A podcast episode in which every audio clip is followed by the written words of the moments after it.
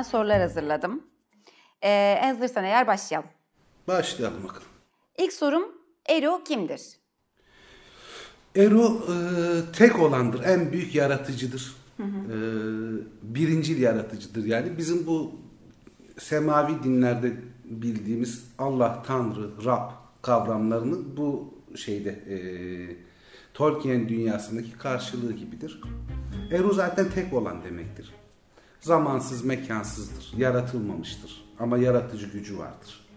Ee, diğer bir adı da Ilúvatar'dır. O da herkesin babası, göklerin babası gibi. Bu zaten e, bizim e, dinlerde de hani dünyada var olan tek tanrılı dinlerde de tanrılara bu tür yakıştırmalar, ikincil adlar veriliyor. Yani hem, hemen hemen birebir işte birincil ilk yaratıcı, en büyük tanrıdır yani. Sonrasında şu soru aklıma geliyor. İlk bölümde ve sonraki bölümlerde de bolca ismi geçen Aynur. Aynur nedir? Aynur e, İlúvatar'ın yarattığı ilk e, diğerleridir, ötekileridir. Aynur e, melekler diye de tanımlanabilir. E, İlúvatar tarafından kendi düşüncesinden bu 1930'lara kadarki evriminde e, gizli ateşten 30'dan sonraki e, düzeltmelerle düşüncesinden yaratıldığı söylenen meleksi e, canlılardır ama meleksiz canlılar daha küçük kalıyor. Çünkü bunlar aslında ikincil tanrılardır. Bunların da Eru'nun müsaade ettiği kadarıyla yaratıcı güçleri vardır her birinin. Sayıları tam olarak bilinmez. Çok sayıda olduğu söylenir sadece ve e, Eru'nun planlarını uygulayan, onları e, onun düşüncesini somutlaştıran e, yarı tanrılardır. Ee, Eru'nun çocukları da var Aynurlar dışında değil mi? Eru'nun çocukları denilenler elfler ve insanlardır. Onları Ainu'dan ayıran yani e, Ainur'un yarattıklarından ayıran e, durum şudur. Ainur e, dünyayı var ettiğinde, dünyayı şekillendirdiğinde, dünyayı e, oluşturmaya başladıklarında e, oradaki şeylerin bilincindedirler. Onlara o güç verilmiştir. Ama insanlar ve elfler sadece Ilúvatar'ın bilgisi dahilindedir. Ainur'un onların yaratılmasında hiçbir katkısı yoktur. Ve onların yaratılması hakkında bir şey de bilmezler.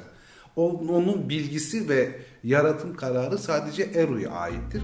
O yüzden direkt olarak Eru'ya ait oldukları için Eru'nun çocukları diye geçer. Anladım. Ee, ilk bölümü okuduğumda hep şu gözüme çarpıyordu. Müzik, müziğin etkisi, e, birinci müzik, ikinci müzik, üçüncü müzik. Müziğin e, önemli oranda etkili olmasının sebebi nedir? Yani normal dille konuşturmamıştır Tolkien tanrıları. Yani o yani insani dile e, sınırlı gelmiştir. Daha evrensel bir şey aramıştır muhtemelen. O yüzden de e, yaratım süreci ya da iletişim Tanrı ile Eru ile Aynur arasındaki iletişim sürekli melodilerle ve müzikle olmuştur. Ve yaratım sürecinde de sürekli müzik vardır. Aslında bu e, muhtemeldir ki Kalevala etkisi de var bunda. E, Fin destanında da böyle bir durum var ya da Kuzey destanında. Yani melodi bir şeyin gerçekleşmesine neden olan şey olarak birçok yerde kullanılıyor. Tolkien de bunu bütün kainatın yaratılışında kullanıyor. Yani e, müzik e, yaratımın sağlayan güçtür ve iletişimi kuran güçtür. Ve ilk bölümün adı Aynur'un müziği. Evet, yani Aynur. Dale. Aynur müziği. Aynur'un müziği. Aynur'un Dale. Doğru mu söyledim Evet. Zafer abi? Ee, bütün bunların yanında bir de Melkor karakteri var. Melkor çok baskın bir karakter. Biraz bize ondan bahseder misiniz? Melkor abi? aslında yaratılış olarak Aynur'dur. Yani diğer Aynurlardan farkı yoktur ama Aynur'un en güçlülerinden, en fazla ilim irfan verilmişlerinden bir Aynur'dur. Özeldir, çok güçlüdür. Ee, Yani bariz bir şekilde en büyük iki Aynur'dan biridir. Yani biri Manve'dir, Süleyman Manve. Diğeri de Melkor. Zaten Eru'nun gönlünde, zihninde e, şeydir. E, Manve ile Melkor kardeştirler. Birbirlerine denk güçleri vardır. Ama Melkor e, Eru'dan e, daha bağımsız olarak kendi gücünü isteyen, kendisine güç isteyen, kendi birincil yaratıcı olmak isteyen bir karaktere sahiptir. O yüzden e, Melkor dünyanın, Ea'nın varoluşunda, e- Eron'un çocuklarının gelişinde, onların evrimlerinde yani yaşam süreçlerinde bütün dünyayla beraber onun efendisi olmak isteyen tırnak içinde kötücül karakteri oluşturan şeydir. E, Aynur'dur. E, Aynurların dışında bir de tabii İluvatar'ın çocukları elfler ve insanlar var. Biraz önce bahsetmiştik. Ben bunlarla ilgili biraz daha detaylı bilgi almak istesem Zafer abi ne dersin? Şöyle e, elflerle insanlar için e, yaratılır eğer. Yani İluvatar'ın çocukları için mekan yaratılır. Yani Aynur'un da görevi onların mekanının yaratılması, onların gelişine hazırlık yapılmasıdır. Yani ne elfler ne insanlar Aynur kadar yüksek değillerdir. Ama sonuçta Erun'un çocuklarıdırlar ve aslında bütün mekan, bütün dünya onlar için hazırlanmak için yapılmıştır. Bir şekilde Aynur insan ve elflerin hizmetkarıdır gibi. Hem tanrılarıdır hem hizmetkarlarıdır. Onun yaratılması sürecini hazırlarlar. Ee, elfler ve insanlar çok detaylandırılabilir. Hani o başka bir videonun konusu olabilir ya da kitaba hazırlayacağımız kitaba daha detaylı olarak şey yapabiliriz, ayırabiliriz. Ama temel olarak şunun bilinmesi lazım. İluvatar'ın çocukları Aynur'dan bağımsız, direkt Erun'un yarattığı ve onun tarafından özel kılınmış, diğer herkesten bir şekilde üstün kılınmış canlılardır. Aynur onların yeryüzünde var olmasını ve varlığını devam ettirmesi ve aslında Melkor ve tayfası hariç onların mutluluğu için hazırlık yapan yarı tanrılardır. Kitabın devamında o zaman daha detaylı bilgi de öğreneceğim onlarla ilgili. Tabii tabii. Yani zaten sık sık bu kavramların hepsine geri döneceğiz. Yani şu anda çok temel doğruları söylüyoruz. Yani çok daha fazla detaylandırılabilir. Yani her biri tek başına birkaç saat sürecek bir programda tutabilir. Biz temel doğruları söylüyoruz şu anda. Hı hı. Kitapta ve daha ileriki sürekli döneceğimiz için konulara daha detaylı, daha detaylı bilgiler vereceğiz. O zaman madem temeldeyiz, benim kafamı karıştıran bir şey daha. Okumaya yeni başlamış biri olarak söylüyorum tabii. Her karakterin iki ismi var genelde. Bunun sebebi nedir? Şöyle bir e, kendilerine aldıkları isimler var. Bir de özelliklerinden dolayı lakap gibi isimleri var. Bir de e, İluvatar'ın çocukları geldikten dünya oluşup da artık içinde canlılar, e, konuşabilen canlılar, dilleri olan canlılar var olduktan sonra o dillerin onları tanımlayan isimleri de var. Yani ikiden daha fazla isimleri var birçoğunun. Hı. Ve e, Silmarillion'u yazanlar zaten yani e, bu tanrısal bir kitap olarak düşünülmemeli. Bunu sonuçta e, Orta Dünya tarihçileri yazdığı iddiasında. Yani e, Vanyar elfleri sürekli şeyle Aynur'la beraber ve onlardan öğrendikleri tarihleri not ediyorlar. O yüzden zaten bunun yazılış dili de şey Vanyarca. Kuen ya yani. Ee, Orada Koya'ya kendi ismini veriyor ona ama Sindar harfleri de ona bir isim veriyor. Ne bileyim insanlar arasında başka bir isim veriyor. Kuzlu, cüce dillerinde başka bir isimle anılıyor. Ama hani temel isimleri belli yani tanrısal isimleri belli. Diğerleri daha çok özelliklerine göredir isimleri. Yani insan bir şeyi görüyor mesela çok güçlü, heybetli ona işte cengaver manasına gelen bir şey söylüyor. Hı hı. Ama onun asıl ismi o değil. O yüzden çok fazla isim var. Herhangi bir yani herhangi bir karakterin birden çok ismi oluyor. Silmarillion'un ilk bölümde e, kısaca Ea'nın yaratılışı anlatılıyor. Bununla ilgili temel bilgileri bize verebilir misiniz Tabii. Zafer abi? Şimdi e, çok sadeleştirerek şöyle denilebilir. Eru Aynur'dan bir müzik istiyor. Ve bu müzik diyor yeterince iyi yapabilirseniz, benim istediğim seviyede bir müzik yaratabilirseniz size o müziğin somutlaştırılmış halini göstereceğim ben. Aynur müziği, Aynur'un Dale bu şekilde oluşuyor. Ve e, temel olarak 5 e, aşaması var. İlk ikisi antrenman gibi sayılır. Ama 1, 2, 3 ayrı kısım. Orada artık yaratım süreci başlar. Orada Melkor şey yapar, e, sorun çıkartır. Kendine ait bir şeyler olsun diye müziğin genel o topluluğun, koronun ritmini bozar. Eru engeller. ikincide bozmaya devam eder. Bir atonallik oluşur müzikte yaratım sürecinde. Üçüncü tekrar keser. Üçüncüde o üçüncü kısımda mesela Eru şeyi katar. İnsanlar ve elflerin yaratılış süresi, sürecini de katar oraya. Yani insanlar ve elfler üçüncü müzik bölümünde şey olmuşlardır. Yaratılışları onaylanmıştır. Var edilmeye başlamışlardır. Üçüncü de artık iki ayrı müzik haline dönüşüyor. Melkor ve tayfasının yaptığı müzik ve diğer Ainur'un yaptığı müzik. Eru'ya daha sadık olanlar. Daha sadık değil de direkt sadık olanların yaptığı müzik. Üçüncü de kesilir ve onlara yaptıkları müziğin şeyini gösterir, simülasyonunu gösterir boşlukta. Ve oraya hayran olur Aynurlar. Melkor dahil. Ama o sadece simülasyondur, görüntüdür. Bu kadar beğendiğin, yaptığınız müzikten bu kadar güzel bir şey oluşturdunuz ama bu sadece görüntüdür der Erol. Ama bunu başarabildiğiniz için gizli ateşi boşluğun merkezine gönderir ve orada bizim bildiğimiz kainatı yaratmaya başlar. Ve isteyenler oraya inip kendi hayallerini, kendi verdiğim güçleri kullanarak orada e, yaşam alanını İlivatar'ın benim çocuklarımın yaşam alanını oluşturabilirler. Böylece EYA kurulmuş Eğer olur. kurulmaya başlanır ama Kurulmaya. yani, tabii yani çok ham bir halde yani Aynur'un gidip orayı kendi yaptıkları müziğe benzetmesi gerekiyor. O zaman ilk bölümde aslında bu kuruluş sürecinin kısa bir kaba taslak bir e, özetini Tabii görmüş önce oluyoruz. şeyini yapıyor yani simülasyonunu gösteriyor. O simülasyonu kabulleniyor. Aynur hayran kalıyor. O zaman diyor ben de burayı ol diyorum, ea diyorum. Gizli ateşini, yaratıcı gücünü gönderip o simülasyonu somutlaştırıyor ham bir şekilde. İsteyenler oraya gidip orayı artık işlemeye başlıyorlar. Yani düzeltme işte dağlar, nehirler, denizler, böcekler, toprak yapısı, madenler, gökyüzü, e, sular yani tatlı sular, tuzlu sular orayı şekillendirip İlvatar'ın çocuklarının, elfler ve insanların yaşayacağı güzel bir yer yapmaya çalışıyorlar. Melkor'da o yapılanları bozmaya çalışıyor. Her zamanki gibi. Yani o öyle bir karakter. Yani o kendisi için istiyor. Efendi olmak istiyor. Zafer abi kötülük kazanır mı her defasında?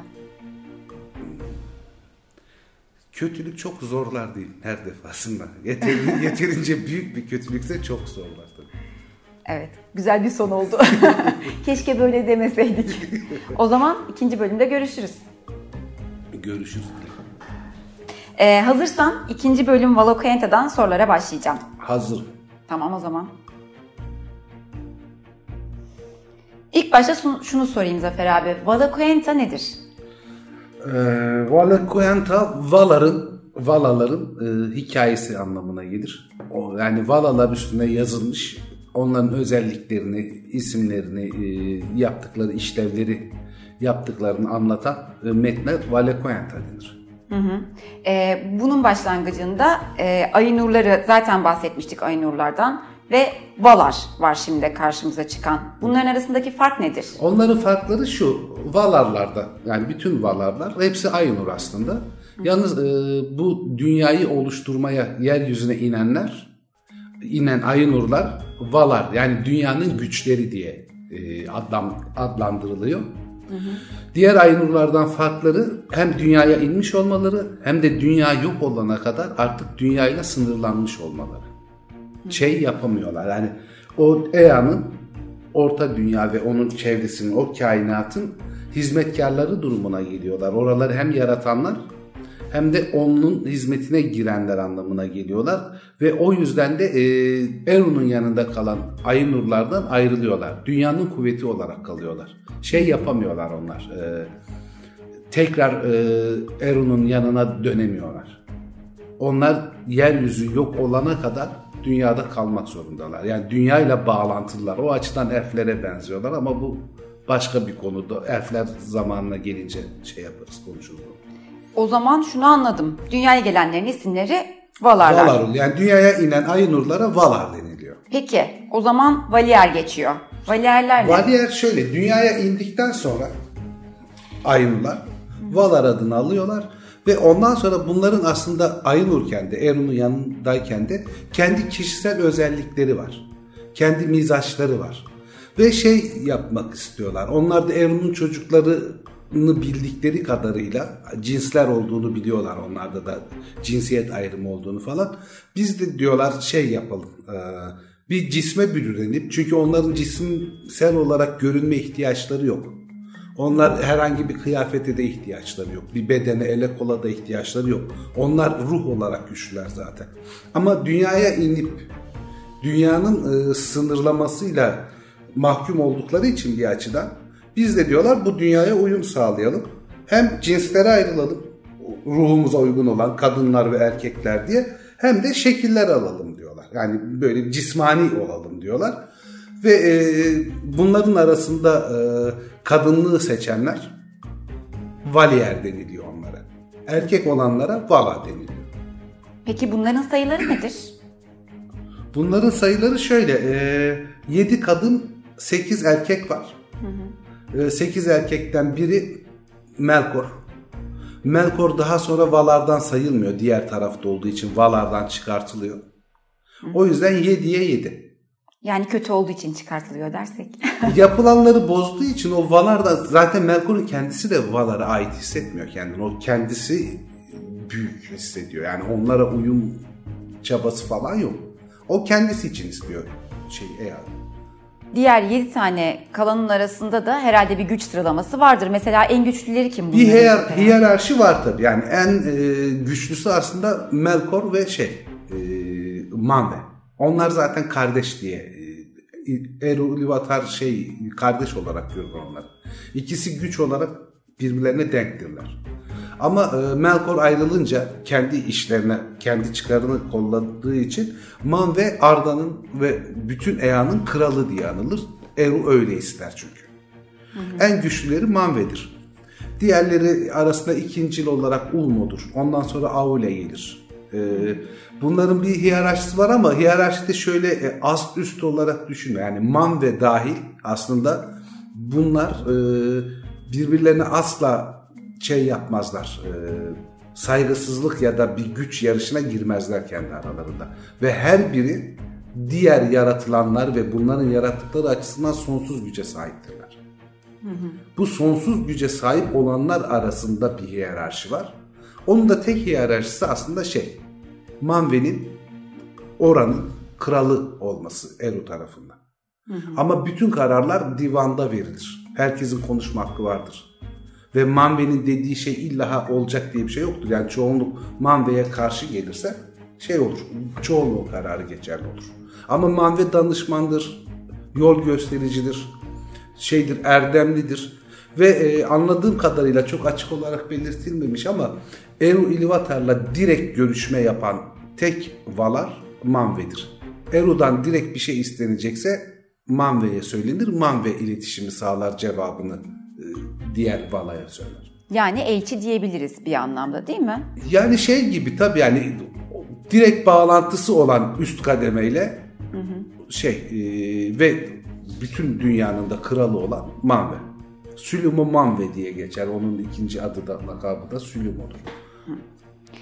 Ee, peki Aynurların yardımcıları var bir de kitapta geçen. Onların da ismi Mayar. Onların özellikleri nedir? Aynurlardan ayrılan özellikleri özellikle. Aynur kadar güçlü değillerdir en başta. Onlar da elflere ve insanlara göre çok üstün özellikleri olan ikincil türde yaratıcılardır. Ama Valar'ın yardımcılarıdır bunlar. Valar'ın yaptığı işlerin e, yola koyulmasında, oluşmasında onlara yardım ederler, mayarlar. Onlar e, Valar kadar kuvvetli değiller ama gene de çok şeyler yani ruhani varlıklar, çok güçler. İşte bunlar aslında meleksiler denilebilir. Şeyler ikinci tanrılardır, Valar, Aynur. Mayarlar meleksi canlılardır. Yani kendileri normal sıradan insanlardan, elflerden falan çok daha güçlüdürler. Ama Valar'a göre zayıflardır güç olarak. Onların hizmetlerini yaparlar. Onlara yardımcı olurlar. Valar'ın yardımcılarıdır. Son olarak tabii ki yine konumuz düşmanlara geliyor. Melkor'un başını çektiği, kötülük timselleri mi diyeyim artık gerçekten kötü düşünenler mi diyeyim? Nasıl diyeyim Zafer abi sen ne dersin? Şimdi Melkor senden çektiği kadar Valar'dan çekmedi diyebiliriz en başta. Melkor bencil ve kötü bir şey yani kötü denilen bir kav yani kötülüğü kavramlaştıran bir şey. Ama şöyle de bir durum var. Yani bunu yaparken İluvatar kendisi 3. şarkının şarkının 3. bölümünün sonunda da siz yani Melkor için çok güçlüsünüz. Böyle yücesiniz. Bütün Aynur da bu kadar yücedir. Ve onların yaptıklarını bozmak isteseniz, bana karşı gelseniz, benim yaptıklarımı yıkmak için bir ton sorun da çıkarsanız aslında benim istediğimden öte hiçbir şey yapamazsınız. Melkor kötülükler yaparken, büyük sorunlar çıkartırken bile daha üst bir tasarımın hizmetindedir. Bunu bilse de bilmese de kabul etse de etmese de. Melkor da aslında bir gerekliliktir orta dünya için. Yani diyorsun ki sen sevsen de sevmesen de. yani kötülük için yaptığı şeyler bile ilk başta büyük zararlar ve kötülükler vermiş bile olsa büyük planın bir parçasıdır. Ondan bağımsız değildir. İlivatar'dan bağımsız değildir aslında. Bilmese de. Peki Valokyan'da Melkor'un dışındaki düşmanlar kimlerdir? Melkor'un yardımcıları var. Aslında şarkıda da şey oluyor mesela. Yani e, ulu müzik yaparken de mesela Melkor'a uyanlar var Aynur arasında. Yani onun müziğine katılanlar, onunla beraber söyleyenler. Çünkü Melkor'da şöyle bir durumu var. Yani çok güçlü, kendi kararları var, kendi yapabilecekleri falan var. Şimdi onun daha doğru olduğunu düşünüp onunla olanlar ama Orta Dünya indikten sonra genelde e, çok üst düzey mayarlar hariç Melkor'a itaat edenler hariç diğerleri korkudan dolayı hizmetkar oldular. Korkutarak çok fazla hizmetkar bulmuştur kendine. Ya da kendi yarattıklarını hizmetkar kılmıştır ama onlar bile korkuyla bağlıdırlar. Melkor'un yardımcılarının en büyüğü şeydir. E, Yüzüklerin Efendisi'nde geçen Sauron'dur. O da mayardır mesela. Sauron'da önemli güçlü mayarlardan biridir. Aule'nin öğrencilerinden birisidir mesela. Aule o konuda biraz şey e, nasıl diyeyim mimli mesela Saruman da şeydir. Aule'nin öğrencilerinden biridir. Her ikisi de kötü tarafa geçmiştir. Sauron'un e, nasıl diyeyim Melkor'un veliahtı gibi bir durumu var. Yani onun en önemli yardımcısı. Ama işte Valaraukar deniliyor Valakoyanta'da. Bizim yani genel okuyucunun bildiği anlamda Balroglar. Onlar da Maya'dır. Ve onlar da Melkor'un yanında hizmet ederler. Yani Melkor'un hizmetkarlarıdır. Ama Melkor tarafından yaratılmamışlardır. Ama bunun yanında işte kurt adamlar vardır, deri değiştiriciler vardır, işte zamanla orklar olacaktır, e, varklar olacaktır, kurt biniciler, kurtlar falan. Onlar Melkor'un kendi e, bir şeylerden dönüştürerek kendisi var edemez öyle bir gücü yok. Ama var edilmişleri dönüştürerek kendi hizmetine soktuğu canlılardır. Yani kötülük Melkor'la sınırlı kalmıyor. Tabii yani kötülük sürekli var oluyor. Her zaman bir kötülük unsuru var. E, ki yani günümüzde de her zaman bir kötülük unsuru vardır. Bölümü bu cümleyle bitirmek gerçekten hoş oldu Zafer abi. E, Valokuyenta ile ilgili benim soracaklarım bu kadar. Zaten genel hatlarıyla da incelemiş olduk. Teşekkür ederim. Rica ederim. Görüşürüz. Görüşürüz.